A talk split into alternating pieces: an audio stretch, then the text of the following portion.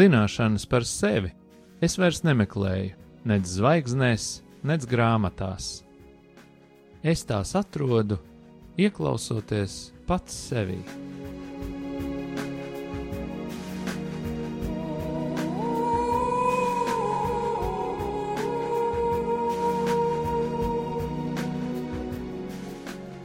Raidījums Mīlestības terapija. Top mīlestības mājai, sadarbojoties ar profesionālo pastorālās konsultēšanas asociāciju. Sarunas par sevi, dzīvi, psiholoģiju un dvēseles terapiju.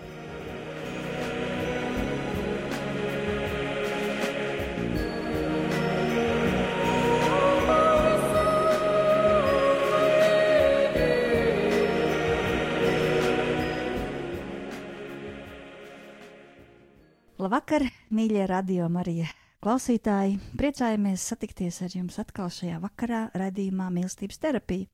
Un kā vienmēr ar jums kopā šodien psiholoģe Ina Grasmane un psihoterapeits Gatis Līdums. Sveicināti! Šovakar mēs atsaucoties uz uh, vairāku jūsu klausītāju ierosmēm un lūgumiem, esam nolēmuši runāt par to, tā vienkārši sakot, kā tad audzināt bērnu jautājums ir ienācies acīm redzot eh, nesenās eh, un vēl ar vienu kaut kādā mērā klātesošās sociālās izolēšanās prasības sakarā, kas bija saistīta ar šī te, uh, mīklainā vīrusu izplatību. Un laikam gadījās tā, ka ļoti daudzi vecāki, kuri domāja, ka viņi savus bērnus labi pazīst, korekti audzina, dara visu pareizi un ka tur nu būtu jābūt ļoti labam rezultātam, uh, vairākas nedēļas būdami spiesti visu laiku pavadīt vienā dzīvoklī, visi darbojoties, mācoties, strādājot un, nu, sakot, tautas valodā kāpjot viens otram uz varžacīm, izrādījās, ka tie bērni nemaz nav iznākuši tādi, kādiem viņiem pēc programmas bija jābūt, ja viņus pareizi audzina. Un izrādījās, ka arī mūsu pieaugušo reakcijas nemaz nav tik pieaugušas un adekvātas, kā mēs bijām domājuši, ka tās būtu, ja mēs uzzinātu, ka mūsu bērni nav izauguši tādi, kādus mēs domājam, ka mēs audzinām. Tā tad ir kaut kāda vilšanās, kaut kāds pārsteigums, kaut kāda nesapratne. Un arī jūsu jautājumu cienījamie radioklausītāji par to, nu, kā tad pareizi audzināt bērnu, kā tad pareizi audzināt pusaudzi, kā tad vispār to būtu labi darīt. Nu, lūk, un tad mums atvēlētajā laikā šodien Es domāju, ja mēs šī īsajā raidījumā varētu patiešām uz to atbildēt tā dziļi un pilnīgi, tad mēs jau varētu kandidēt uz, uz Nobela prēmiju par atklājumu, kad pusstundā var pateikt to, ko neviens nav spējis līdz galam pateikt pēdējos apmēram simts gados. Bet mēs mēģināsim kaut kādus orientierus un kaut kādas ceļzīmes eh, šeit ielikt. Nu, tad cerēsim, ka tas jums arī palīdz. Bet, nu, Ina, tev ir versija. Es zinu, un arī redzu pēc acīm. Tev ir versija. Jā, nu, Ziniet, man pašai divi pusauģi mājās ir. Tā kā ir karstas tēmas. Un ir ļoti jocīga sajūta, ka tu esi audzinājis savus divus bērnus. Nu, trešais vēl tikai atdarina pusaudziskumu, bet nu, tur piespēlē klāt. Tā kā, bet nu, šie divi bērni, kuros ir ļoti daudz ieguldīts, uh, ar kuriem ir daudz runāts un kuri ir daudz saņēmuši, nedalītas uzmanības gan no mammas, gan no tēta. Un mēs ļoti apzināti esam gājuši šo mīlestības ceļu tādu attiecībā arī pret bērniem. Un tagad viņi saka dažādas riebīgas lietas, un um, tu esi stulba, tas ir vispār mazākais. Viss kaut ko par mūsu kļūdām, par to, kā mēs kaut ko nesaprotam, un ir ļoti asi brīžam, Un tas nav vienkārši. Tas sajūtas ir dažādas, jo liekas, vai tad es esmu kaut kur kļūdījies, vai kaut ko neesmu darījis tomēr pareizi, vai neesmu iedevis kaut ko ļoti svarīgu, kas būtu jāiedod. Meklējot atbildes uz šo jautājumu un runājot arī ar pašiem bērniem par to, kas notiek, un vienkārši pieņemot to ceļu kopā ar viņiem, Es, protams, varu būt ļoti pateicīga, ja mums ir tāds starposms tētis, un tad eh, kaut kā viņš ir tādu veselāku bez netika emocionālu pieeju iejaucās tur pa vidu. Un, un tad viņš ir tas starposms starp to atdalīšanos no mammas, bet priekš manis tāda ļoti būtiska atbilde atnāca, ka nu, no ļoti labas mammas nevar atdalīties. Nu, viņa ir jāuzstājas par sliktu mammu bērnam, lai viņš varētu sākt meklēt sevi. Jo, ja viņa ir ļoti laba, ja viņa ir tik mīloša un tik gādīga viņa uztverē, tad nu, nav pamata atdalīties. Tad tu paliec tādā saplūsmē. Bet tas nav tas, kāpēc bērni nāk uz šīs zemes. Tas nav tas, kāpēc mēs viņus audzinām. Mēs viņus audzinām, lai viņi būtu brīvi, lai viņi iet to savu ceļu, kuru viņiem ir jāiet. Un tā ir svētīta vecāka sajūta, ka mēs skatāmies uz bērniem, kuri ir atraduši sevi. Viņiem ir pietiekoši daudz resursa, lai viņi varētu arī konfrontēties ar saviem vecākiem un ar savu vecāku lielo dievišķo izcilo vienreizējo neatkārtojamo gudrību. Un šī Sacensības sākas pusauģu gados, un viņai ir ļoti dziļa jēga, jo principā ar to bērns saka, tu esi tu, tā ir tava dzīve, tas ir tavs ceļš, bet man ir kaut kas cits. Varbūt viņi to pasaka ne tik gramatiski pareizā formā, viņi ne, ne tik ļoti mierīgi to runā, viņi vēl nenobrieduši, viņi to emocionāli, viņi arī cer durvis un, un visādi protestē, un varbūt kādreiz kliedz, bet viņi grib teikt, klausies, tu esi tu, un es esmu es. Un cik mēs paši esam brīvi no savu bērnu vērtējumu par sevi? Tas ir tāds jautājums, kurš man nācis, ir, esot blakus saviem šiem pusauģiem. Un otrs ir palaišanas jautājums. Nu, īstenībā ļaut bērnam meklēt, nu, šobrīd tādā formā, kādā viņš var, kādā viņš spēj. Protams, šīs sarunas ir ļoti būtiskas par to, kādā veidā to darīt, un tomēr robežas tur netiek atceltas nevienā brīdī. Bet ir pienācis laiks aut, kā siet šņores, ja jau trenēties uzvilkt kurpes. Un tas ir nav tāds iniciācijas atkal un krīzes un tas nepatīkamais brīdis. Un ir vēl viena lieta, man liekas, tikpat būtiska, ka mēs runājam par pusauģiem, kurus svarīgi saprast vecākiem, ka pusaudzis ir pietiekoši nobriedis jau, nu, es šeit runāju 14, 15 gadi, tādi bērni, un te pašā laikā pilnīgi nenobriedis, tur ir divas daļas, bet viņš ir pietiekoši nobriedzis, lai viņš sāktu piedzīvot pieredzi, kā tas ir, kad es satiekos ar savu es. Un bērni satiekās ar ļoti spēcīgām izjūtām šajā vecumā, varbūt pat ar tām sajūtām, kam nav nekāda sakara ar šodienu, varbūt ir bijusi kāda trauma kaut kad agrāk, trijos, piecos, septiņos gados, un bērnam šī sajūta nāk ļoti spēcīgi, vai tā ir tā atstumtība, vai tā ir vientulība, vai tās ir bailes, vai tās ir dusmas, vai tā ir greizsirdība, kuru ir pienācis vēl ir tāds labs laiks pārstrādāt, lai tu vesa, pieaugušajā dzīvē aiziet pēc iespējas veselāks. Un vai šī pārstrāde notiks, tas ir ļoti atkarīgs no vecāku gudrības. Jo bērni var satikties ar ļoti spēcīgiem emocionāliem stāvokļiem, pa kuriem viņi paši neko nesaprot, kāpēc tā ar viņiem notiek. Un tad vai mēs spējam ar viņiem tajā satikties, vai mēs esam pietiekoši paši nobrieduši savās attiecībās paši ar sevi un varam iet ar viņiem un par to runāt, iziet cauri šiem kaut kādiem varbūt grūtākajiem pārdzīvojumiem, un šis var būt vēl viens iemesls, kāpēc bērni var kļūt neciešami, ka kaut kādas smagas uh, jūtas, emocijas, spēcīgas pēkšņi iznāk uz viņu dzīves skatuves, un viņiem ar to jātiek galā Viņi ir pietiekoši nobrieduši, lai to satiktu, bet pārāk nenobrieduši, lai ar to tiktu galā paši. Tātad viņiem esam vajadzīgi mēs, pieaugušie pavadoņi. May it be the shadows call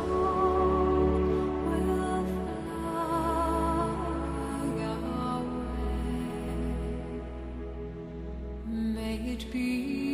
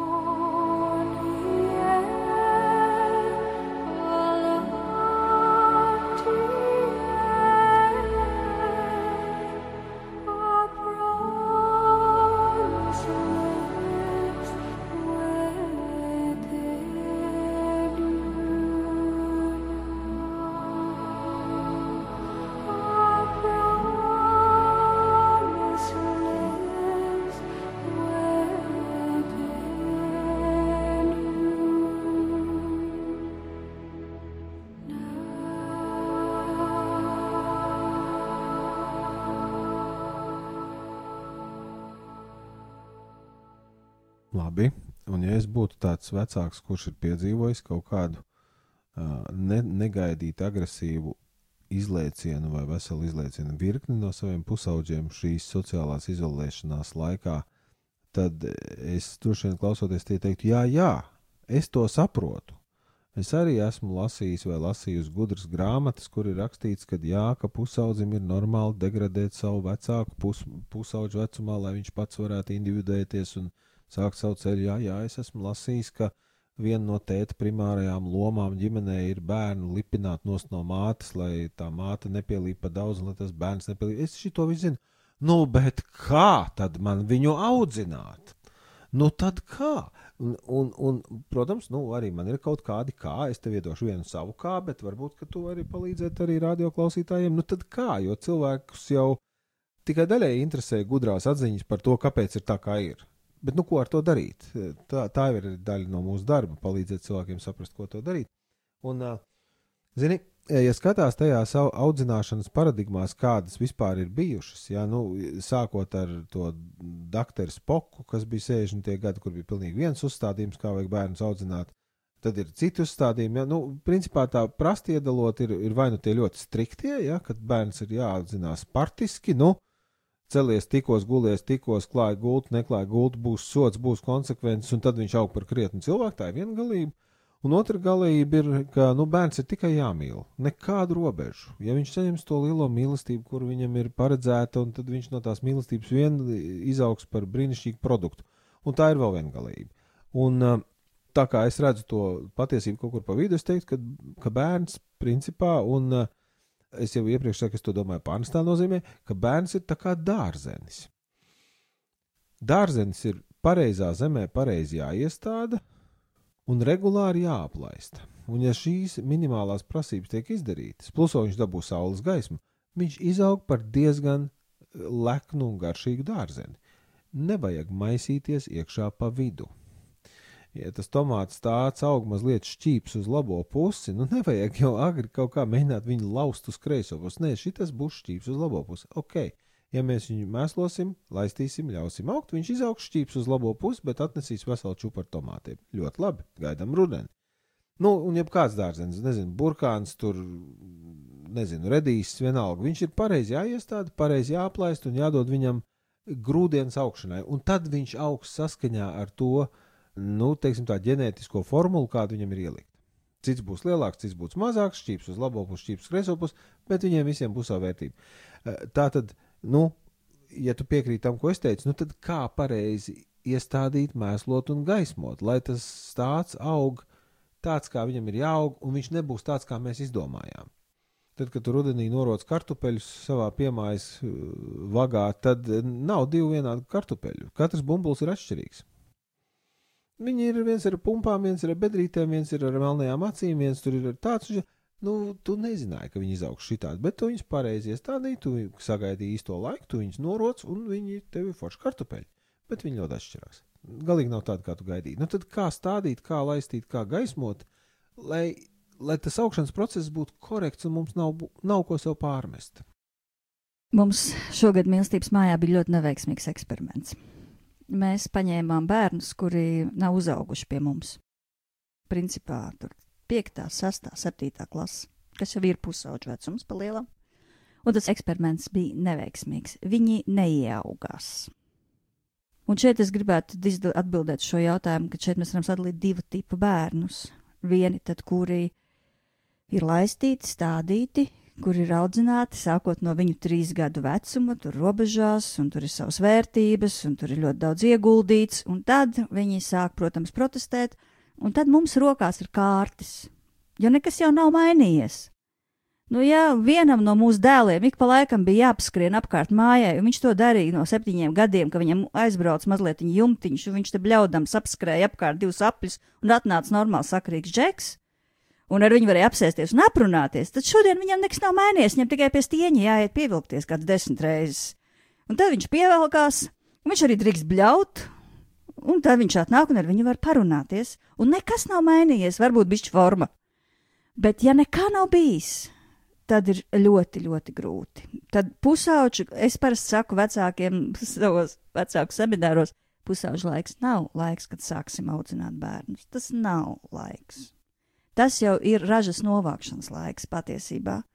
Un tas, ko tu esi tur ielicis, tas tur būs.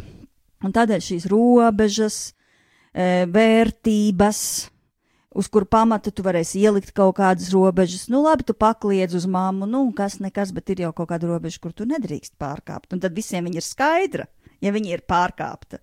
Nu, tad tur kaut kas ir par to. Nu, un līdzīgi ir tātad vieni, kuri ir tagad audzināti, un otri ir tie, kuriem mēs tagad kaut ko sāksim darīt, un es domāju, ka mēs jau šo cīņu esam zaudējuši. Un otrs li likums, protams, es tā vienmēr attiecībās ar bērniem, nu, tā viņu piekopju arī sevī ka nu, tu vēlnu nevar uzvarēt ar vēlna spēku. Nu, ja tu cīnies par kaut ko labu, tad cīnies ar labiem instrumentiem. Tu nevari ar ļaunu varu, pazemojot, pazeminot viņa pašcieņu, sodot kaut kādā pazemojošā veidā, panākt labu.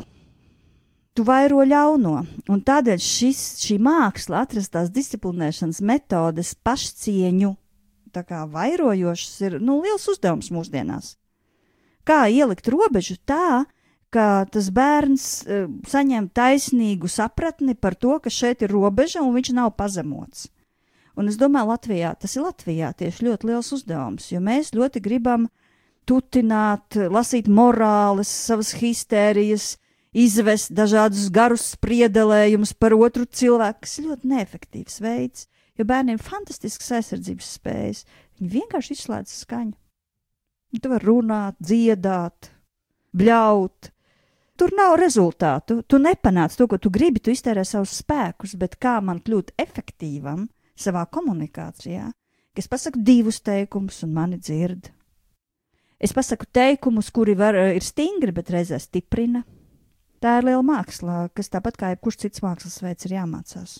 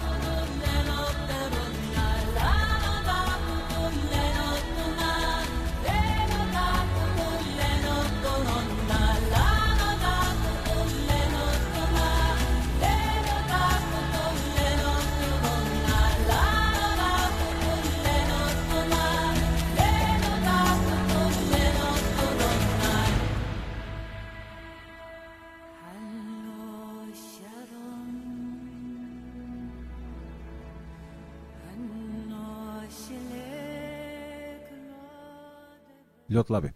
Nu, ja es tev varētu lūgt, lai tu padalies, kādi būtu daži teikumi, kas būtu stingri un reizē stiprinoši ar pusaudzi, kurš tev ir pateicis, tu esi rīktīgi stulba. Nu, bet tiešām, es domāju, ļoti daudzi klausītāji varētu iegūt no tā, ja viņiem tiktu acu priekšā nolikts viens veids, lūk, stingrs, bet saudzīgs teikums, brīdī, kad pusaudzis tev ir nolamājis pēdējiem vārdiem, un tu saproti, ka tu saproti, kas notiek, bet sirds tāpat sāp. Nu, kādi būtu tie teikumi? Nu, robežām, manuprāt, vislabākais veids vispirms ir pajautāt, vai tu dzirdēji, ko tu tava mute tikā teici, vai ko tu tikko teici. Jo bieži vien cilvēks runā, un viņš vienkārši nav kontaktā ar to, ko viņš saka. Nu, es vispirms pajautāju, vai tu vispār dzirdēji šo Un tad, ja viņš saka kaut ko, ka viņš dzirdēja, tad es parasti saku, zini, vecīt, es ticu, ka tu ar šito var tikt galā. Nu, tad mēs zinām, mums ir kaut kāds ceļš, kā mēs ejam. Tā mēs mīlestības mājā šeit strādājam bērniem. Mēs sakām, es ticu tev. Es vienkārši ticu, ka tu to vari. Es ticu, ka tu vari uzveikt šo savu muti, no kuras nāk tāda krupja ārāk. Man viss mājas mirdis, es bērniem saku, es nevaru turēt logus ziemā vaļā. Viss nosals. Tu vari, ej un dari, vai tu vari nomierināt savas rokas. Es ticu tev. Un pusauģiem šis es ticu. Varbūt ar to var tikt daudz, daudz, daudz tālāk nekā ar to, tu esi tāds, tu esi šī tāds, kāpēc tu šito atkal, kāpēc tu atkal nomet savus kurpes, kāpēc. Es zinu, ka tu rītā to varēs atcerēties, lūdzu, pierakst pie sienas, izdari to, aizējam, izdaram, uzrakstam, ir un jautājums. Tad ir vai nav? E, ļoti darbojās bērniem, pusauģi ir e, ārkārtīgi motivēti pelnīt visādus punktus, zvaigznes, nezinu, visādas tur atzīmes vai vēl kaut ko ļoti darbojas. Es nezinu, es bērniem pelnam zvaigznes, un tad viņi saņem kādu apbalvojumu, iet uz kino, tur ar tēti vai ar mammu. Un, Un tad viņi pelna tās zvaigznes, un tad pa labiem vārdiem, un tas vispār vienīgais veids, reiz, kā var noturēt līdzsvarā tur to visu mikroklimatu, jo ik pa laikam tur tas brālis un māsas viens otru gatavi pārgriezt kādu vietu. Bet uh, šādas lietas palīdz. Viņas, ja viņas ir iekoptas jau no agra vecuma, viņas palīdz. Tu atkal atjauno savus likumus, atjauno zvaigznes, atjauno motivāciju. Tad, tad es ticu tev, jūs tiksiet galā, mēs varam. Izolācija vienmēr aiziet projām, tad kaut kur atsevišķi istabā uz kaut kādām minūtēm vienkārši savaldīt to savu muti, savaldīt savas rokas, varbūt kuras tur bakstās ne tur. Un, Un, un tie tādi pavisam vienkārši soļi, jo pedagoģija jau sastāv no ļoti vienkāršām lietām, bet ārkārtīgi svarīgi ir, tad zelta likums ir, nu, neaiztiec viņa pašvērtējumu. Nu, neaiztiec viņa to es negatīvā veidā. Nu, neliec tādas negatīvas, graujošas programmas, ka tev nekad nesanāks, no tevis nekad neiznāks, ar tevi nekad nekas nebūs. Šis ir ļoti, ļoti slikti un nekur neved. Un tas atstāja nospiedumus, tādus sliktus nospiedumus. Labāk saka, ka tu tici, ka tu lepojies, ka tu esi pārliecināts, ka būs labi. Un, ja tu pati nevari pateikt, jo ievainot no tā, tu esi stulbi, tad lai vīrs pasaka. Un, ja viņš ir ievainots, dievēlciet to elpu vairākas reizes, iziet paši pavingrojiet pie stieņa un atnāciet un parunājiet tā mierīgāk. Jā, īstenībā paldies tev, jo Es domāju, tu ļoti, ļoti skaisti un skaidri atbildēji. Droši vien, ka par šo varētu vēl runāt un runāt, bet idejiski, nu divi, tās divas komponentes tam kvalitatīvajam mēslojumam, ar ko tas pusaudzis būtu jāmēslo, vai bērns būtu pirmais, nekādā gadījumā nemēģina iedragāt viņa pašcieņu un, un viņu pazemot, jo tas ievainojums vēlāk atspēlēsies. Un otrs, visu laiku dod viņam to atgrieznisko saiti, es tev ticu, tu, tu šito vari. Šoreiz neizdevās, bet es domāju, ka tu mierīgi to vari izdarīt. Tad tāds, tāds motivējošs kaut kas. Nu, jā, droši vien, ka tur vēl varētu būt vairākas sastāvdaļas, un, un tā pēdējā sastāvdaļa bija, es domāju, nu, ārkārtīgi uzrunājoša un varbūt vienai otrai vecākai ausī netik patīkama. Nu, ja tu ar šito netiec galā, un ja tas tev ķer sāpīgā vietā, tad tu esi tas, kuram ir jāiet dārzā, pievilkties pie koka zara un vienkārši nolaist tvaiku. Šīs nav salīdzināmas svara kategorijas. Tas ir tavs bērns, kurš savā ziņā ir tavs spogulis, un ja viņš šito te dara, tad eh, ne jau tāpēc, ka viņš ir izaudzis ne tāds, bet tas laikam ir tāpēc, ka tas kaut ko arī par tevi pasaka, un tagad arī tev vēl ir jāmācās, ja kā tad būt tam stiprinošajam un iedrošinošajam. Ja tu to iemācīsies, nu nekad nav par vēlu. Ja? Nu jā, man vēl tāda fantāzija nāca galvā, klausoties tevī, ka viena veida tāds ļoti labs vecāka modelis ir iedots arī mums um, evaņģēlijos līdzībā par pazudušo dēlu. Jo tur jau patiesībā, labi, tur nav runa par pusaudzi, tas ir par pieaugušu čali runa. Jā, bet, nu, stāstu mēs atceramies visi, jā, ka tur ir viens tas labais dēls, kurš tur ir ir strādīgs, čakls, apzinīgs un nedara muļķības. Un tad ir tas dēls, kurš saka, zini, ko, davai, Fāter, izmaksā man mantojumu tagad, ja es negribu gaidīt, kamēr tu nomirsi. Es esmu liels, es esmu gudrs, katrā ziņā gudrāks par tevi, izmaksā man mantojuma daļu un vienkārši laid man prom. Un ko dara tas tēvs? Viņš nevis sāk lasīt lekciju, nē, tu nevarēsi, tev nesanāks, tev slikti ies, un vispār tu vēl nemāki ar naudu apieties. Nē, viņš saka, ja, labi, Un viņš atskaita attiecīgo mantojuma daļu, un tas dēls aiz, iziet pa durvīm, un tālāk uz stāstu mēs zinām. Un viņš uz savas ādas piedzīvo to, cik patiesībā viņš pusaudzis pats ir reāls stulbs. Viņš sadara veselu kaudzi muļķības, kuras viņa beigās noved pie tā, ka viņš, nu kā mēs varam nojaust, jūts, ēd cūkēdienu. Nu, kas varētu būt, nu, nekas jau briesmīgāks nav. Ja, ja cūka ir nešķīstais dzīvnieks, ko nedrīkst ēst, tad, nu, tu ēd to, ko ēd cūkas, ko, nu, drausmīga degradācija. Ja? Un tad nu, tas tēvs jau neko nav teicis. Tu esi slikts, tu nemācies. Ne, viņš saka, tu gribi naudu, visu, kas tev pienākās, lūdzu, ej. Un tad notiek tā transformācija, un tas puika atnāk atpakaļ kaut kādā brīdī, X, un tad ir tā, nu, tad ir tā fantastiskā, nu, nožēla par to, kāds es biju muļķis. Vai es varu lūdzu atpakaļ? Un tad nāk tas otrs ģeniālā vecāka piemērs, kad nevis tajā brīdī, kā mums niezāt mēl teikt, nu, es taču tev teicu, ja? Bet šito nevajag, viņš jau pats to saprot. Tad teikt, jā, nāc šurp, kaujam teļu un taisam dzīves. Forši, ka tu esi mājās. Labi tevi atkal redzēt. Nu, nu šeit ir tas, ja mēs nes, nenogalinām pašnovērtējumu, bet mēs arī iedrošinām, ne jau pārmetot, bet dodot to, es ticu, ka tu vari. Un es domāju, otrais, nu, tas puika neiztērēs, ja viņš kaut ko sakrās. Jo viņš zina, ka, cik ātri var notērēt un cik zemu var krist. Nu, tad viņš ir atpakaļ, tagad es, es, tev, es ticu, ka tu vari. Mēs kaujam teļu, taisam uh, svinības, ir forši, ka tu esi mājās. Nu, kaut kā tā, tur ir tāds liel, liels, laba vecāka piemērs šajā līdzībā. Vai tas ir tas, par ko tu runāji? Jā, paldies par ilustrāciju. Bet šeit ir uh, vēl viens blakus vārdiņš, vēl tikai noslēdzot, kur mēs varētu teikt, vecāka brīvība. Un tas, laikam, ir tas vecāka ceļš, iniciācijas, ko viņš iet blakus saviem bērniem, jo to var izdarīt brīvs vecāks. Kas ir uh, tāds sevi pārliecināts un pašpietiekams un, un brīvs un pats izgājis to ceļu, kas viņam ir jāiziet, tad mēs varam palaist savus bērnus. Bet tā grūtība laikam, un to es arī varbūt sievietē īpaši gribu teikt, ir nu, mazliet pieturēt bērnus, piesiet un, un tomēr nelaist. Un tik ļoti gribas nu, tā pasargāt no ciešanām un palikt to mīksto spilventiņu, lai tas kritiens nav tik sāpīgs. Un mēs taču zinām, cik sāpīgi ir tie kritieni. Tas nav ok. Tas ļoti, ļoti traucē augt ļoti, ļoti traucē elpot, būt brīvam.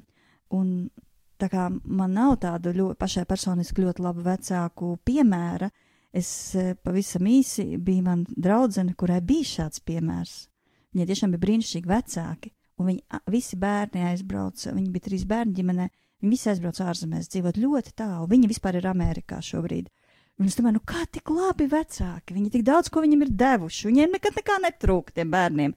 Nu, ne, ne emocionāli, ne fiziski nekādi, bet viņi neļāva viņiem inicēties. Viņi bija pārāk labi. Viņi bija pārāk sargājoši. To es vēlāk tikai sapratu, protams, ka tie bērni smaka nost, viņiem vajadzēja braukt ļoti, ļoti, ļoti, ļoti, ļoti tālu no viņiem, lai viņi varētu izaugt par to, kas viņi ir. Jā, vajag aizbraukt tik tālu, lai laika starpība ir kaut kādas 9 stundas, un pat īsti nav iespējams sazvanīties dienas laikā, jo tad, kad vienam ir diena, otram ir nakts, un Nu, jā, tas ir ļoti tālu, patiešām.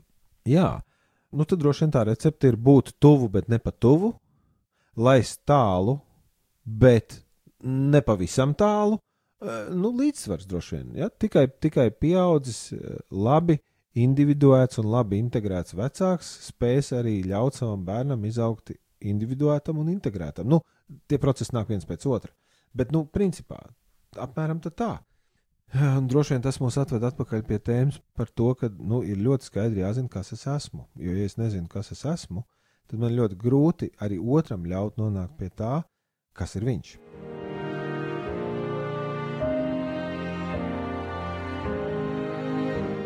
Jā, un ar tādu domu droši vien šovakar noslēdzot, mēs varam arī to noslēgt ar ļoti īsu lūkšanu un vēlēšanos, kura mums šeit studijā, un tiem no jums, kuriem arī ir tāda vēlēšanās, droši pievienojieties savā, savās domās un savā sirdīs. Un mēs lūdzam šovakar tevi, augstais un mūžīgais, lai tu patiešām, patiešām ar savu klātbūtni, ar savu gudrību, ar savu mīlestību un pacietību ļauj mums ieraudzīt un saprast un izjust un arī dzīvē pielietot šo sajūtu, ka es zinu, kas es esmu Man nav jābaidās, un man nav jādara citiem pāri, lai es to uzzinātu labāk.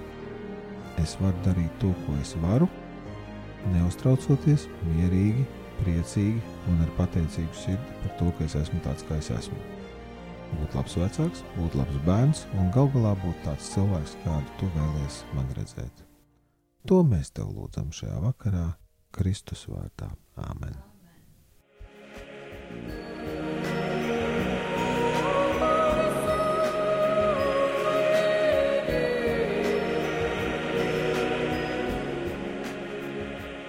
Jūs klausījāties raidījumu mīlestības terapija. Raidījums varat noklausīties mājaslapā mīlestības māja.lv vai Latvijas Profesionālās pastorālās konsultēšanas asociācijas Facebook mājaslapā.